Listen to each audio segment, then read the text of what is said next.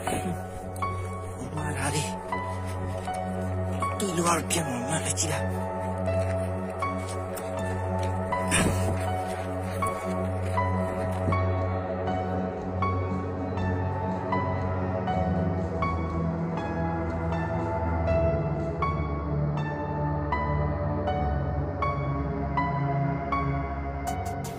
2021ခုနှစ်ဖေဖော်ဝါရီလရက်စစ်အာဏာသိမ်းမှုနောက်ပိုင်းမြန်မာနိုင်ငံအနှံ့မှာမတရားမှုကိုစန့်ကျင်တဲ့လူမှုလှုပ်ရှားမှုတွေနှီးမျိုးစုံနဲ့ပေါ်ပေါက်ခဲ့ပါတယ်။လက်ရှိအချိန်ထိလည်းပုံသဏ္ဍာန်မျိုးစုံအသွင်မျိုးစုံနဲ့ဆက်ရှိနေဆဲဖြစ်ပါတယ်။ တစ်ချိန်တည်းမှာပဲတိုင်းရင်းသားလက်နက်ကိုင်အဖွဲ့တွေအခြေစိုက်နေကြတဲ့တိုင်းရင်းသားဒေသတွေမှာလည်းတိုင်းရင်းသားလက်နက်ကိုင်တွေနဲ့အာဏာသိမ်းစစ်ကောင်စီအကြားတိုက်ပွဲတွေဆက်လက်ဖြစ်ပွားနေပြီးတိုင်းရင်းသားလက်နက်ကိုင်အဖွဲ့တချို့ကြားမှာလည်းအချင်းချင်းတိုက်ပွဲတွေဖြစ်နေတာပါ။တစ်ဆက်တည်းမှာပဲဒေသတချို့မှာပြည်သူ့ကာကွယ်ရေးတပ်ဖွဲ့တွေနဲ့စစ်ကောင်စီတို့အကြားအပြန်အလှန်ပစ်ခတ်တိုက်ခိုက်မှုတွေလည်းရှိလာပါတယ်။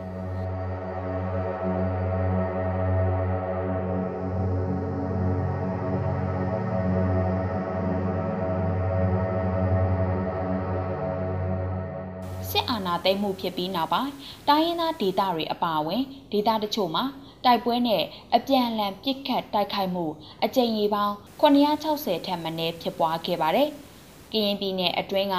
KNU တပ်မဟာနယ်မြေတွေမှာတော့အာနာသိန်းစစ်ကောင်စီနဲ့ KNU တို့အကြားလက်နက်ကင်တိုက်ပွဲတွေအများဆုံးဖြစ်ခဲ့ပါတယ်။ KNU သတင်းနဲ့ပြန်ကြားရေးဌာနရဲ့ထုတ်ပြန်ချက်ကိုကိုးကားခဲ့တဲ့မြစည်းမသတင်းဌာနကဇူလိုင်လအတွင်း ကရင်ပြည်နယ်အတွင်းကခရိုင်၄ခုအတွင်းတိုက်ပွဲပေါင်း180ခန့်ဖြစ်ပွားခဲ့ပြီးစစ်ကောင်စီနဲ့လက်အောက်ခံနေကြားဆောင်တပ်ဖွဲ့ကတပ်ဖွဲ့ဝင်250ခန့်တေဆုံးခဲ့ကြောင်းဖော်ပြထားပါတယ်။ဒါအပြင်ဇူလိုင်လကစပြီးရှမ်းပြည်နယ်မြောက်ပိုင်းမုံကိုနဲ့ပန်ဆိုင်ကျူကုတ်ဒေသတွေအတွင်း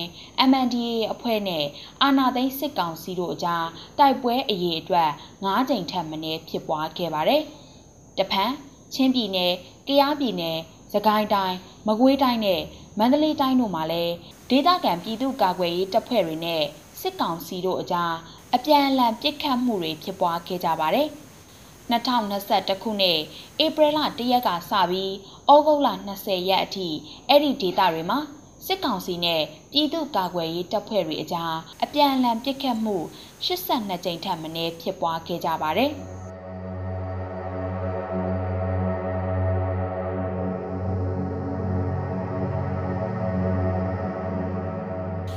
အာဏာသိမ်းပြီးနောက်ဖြစ်ပွားခဲ့တဲ့တိုက်ပွဲနဲ့ပြစ်ခတ်မှုတွေကြောင့်တေဆုံးခဲ့ရတဲ့အယက်သားပြည်သူ149ဦးကျော်ရှိခဲ့ပြီးထိခိုက်ဒဏ်ရာရသူ136ဦးကျော်ရှိခဲ့ပါတယ်။အဲ့ဒီတေဆုံးခဲ့ရသူတွေထဲမှာ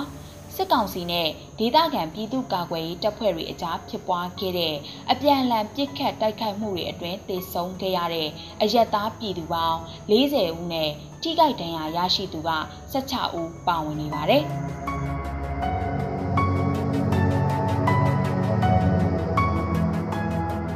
တခါဖြစ်ပွားခဲ့တဲ့တိုက်ပွဲနဲ့အပြန်အလှန်ပစ်ခတ်မှုတွေကြောင့်အခုတလအတွင်းစစ်ပြေးဒုက္ခတွေပေါင်း31,600ကျော်တိုးလာပြီးစစ်အာဏာသိမ်းမှုနောက်ပိုင်းစစ်ပြေးဒုက္ခတွေအရေးအတွက်2,59,600ဦးကျော်ရှိလာခဲ့ပါတယ်။2020ပြည့်နှစ်ဇန်နဝါရီ1ရက်ကစပြီးအခု2021ခုနှစ်ဩဂုတ်လ20ရက်အထိစစ်ပြေးဒုက္ခတွေအရေးအတွက်ကိုကြည့်ရင်9,59,100ဦးကျော်ရှိလာခဲ့ပါတယ်။ အခုတလအတွင်းတိုးလာတဲ့စစ်ပြေးဒုက္ခသည်တွေအနက်9000ကျော်ဟာကယားပြည်နယ်အတွင်းအာဏာသိမ်းစစ်ကောင်စီနဲ့ဒေသခံပြည်သူ့ကာကွယ်ရေးတပ်ဖွဲ့တွေအကြားအပြန်အလှန်ပစ်ခတ်တိုက်ခတ်မှုတွေအပြီးဘေးလွတ်ရာကိုတင်းရှောင်လာကြတာပဲဖြစ်ပါတယ်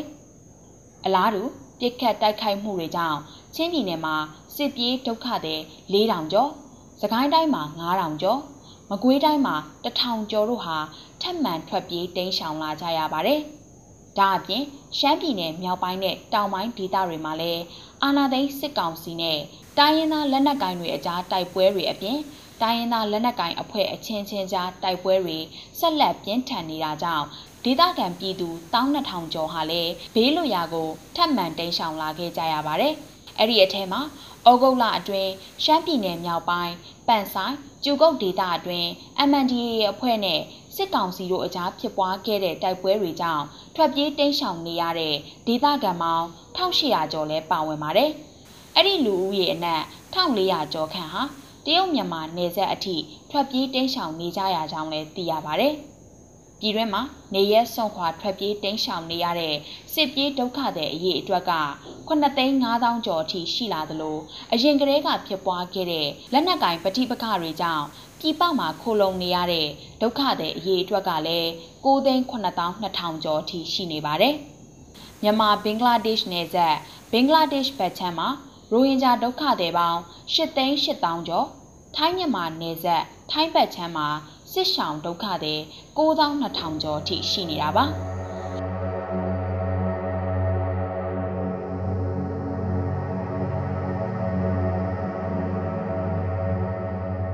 အာနာသိန်းစစ်ကောင်စီနဲ့တိုင်းရင်းသားလက်နက်ကိုင်တပ်ဖွဲ့တွေအကြားတိုင်းရင်းသားလက်နက်ကိုင်အဖွဲ့အချင်းချင်းကြားဖြစ်ပွားနေတဲ့တိုက်ပွဲတွေအတွင်းတေဆုံးတန်ရာရရှိခဲ့တဲ့အယက်သားပြည်သူအရေးအတွက်တေဆုံးတန်ရာရခဲ့ပုံဖြစ်စဉ်တွေနဲ့ စစ်ဘေးတိမ်းရှောင်နေရတဲ့ဒုက္ခတွေပမာဏကိုလေ့လာခြင်းအပြင်လက်နက်ကင်တပ်ဖွဲ့တွေရဲ့လူအခွင့်အရေးချိုးဖောက်မှုကျူးလွန်တာတွေရှိမရှိဆိုတဲ့အပေါ်အသွင်ကူးပြောင်းမှုဆိုင်ရာတရားမျှတမှုရှုထောင့် transitional justice ကနေတုတေသနာပြုနိုင်မှာဖြစ်ပါတယ်။ဒါအပြင် စစ်အာဏာသိမ်းပြီးနောက်ပိုင်းဖြစ်ပွားလာတဲ့တိုက်ပွဲအခြေအနေတွေကိုလေ့လာခြင်းအပြင်လဲမြန်မာနိုင်ငံရဲ့ရှီရင်ဆွဲငြိမ်းချမ်းရေးဖြစ်စဉ် peace process အခင်းအကျင်းပြောင်းလဲမှုရှိမရှိအပေါ်တုတေသနာပြုဖော်ထုတ်နိုင်မှာဖြစ်တာကြောင့်အလေးထားတဲ့ data အချက်အလက်တွေပဲဖြစ်ပါတယ်။မြန်မာနိုင်ငံမှာစစ်အာဏာသိမ်းပြီးနောက်ပိုင်းဖြစ်ပွားလာတဲ့တိုက်ပွဲအခြေအနေနဲ့အကျိုးဆက်တွေအပါအဝင်တိုင်းရင်းသားဒေသတွေမှာဖြစ်ပွားနေတဲ့တိုက်ပွဲတွေ